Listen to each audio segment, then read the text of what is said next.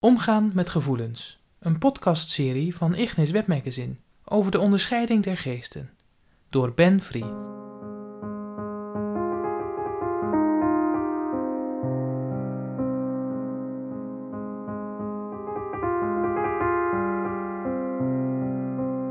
Deel 1. Leren je innerlijke bewegingen waar te nemen.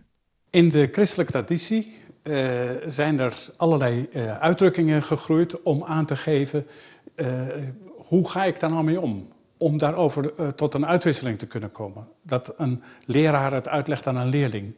Een van die woorden is bewegingen. Je zou moeten leren bewegingen waar te nemen. Niet als een vloed over je heen te laten komen, maar er een zekere afstand van te hebben en te, daarna te kijken, wat gebeurt er?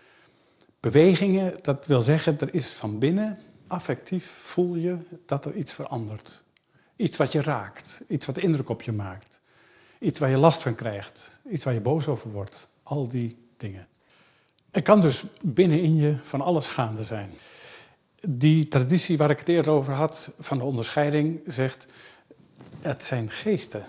En niet, niet dingen die je kunt zien, uh, niet iets in een kleed of wat ook of, of geheimzinnige gestalte, maar het is van binnen. Het, het kan een goede geest zijn die uh, een goede invloed op je heeft. Het kan een kwade geest zijn die een afbrekende werking heeft.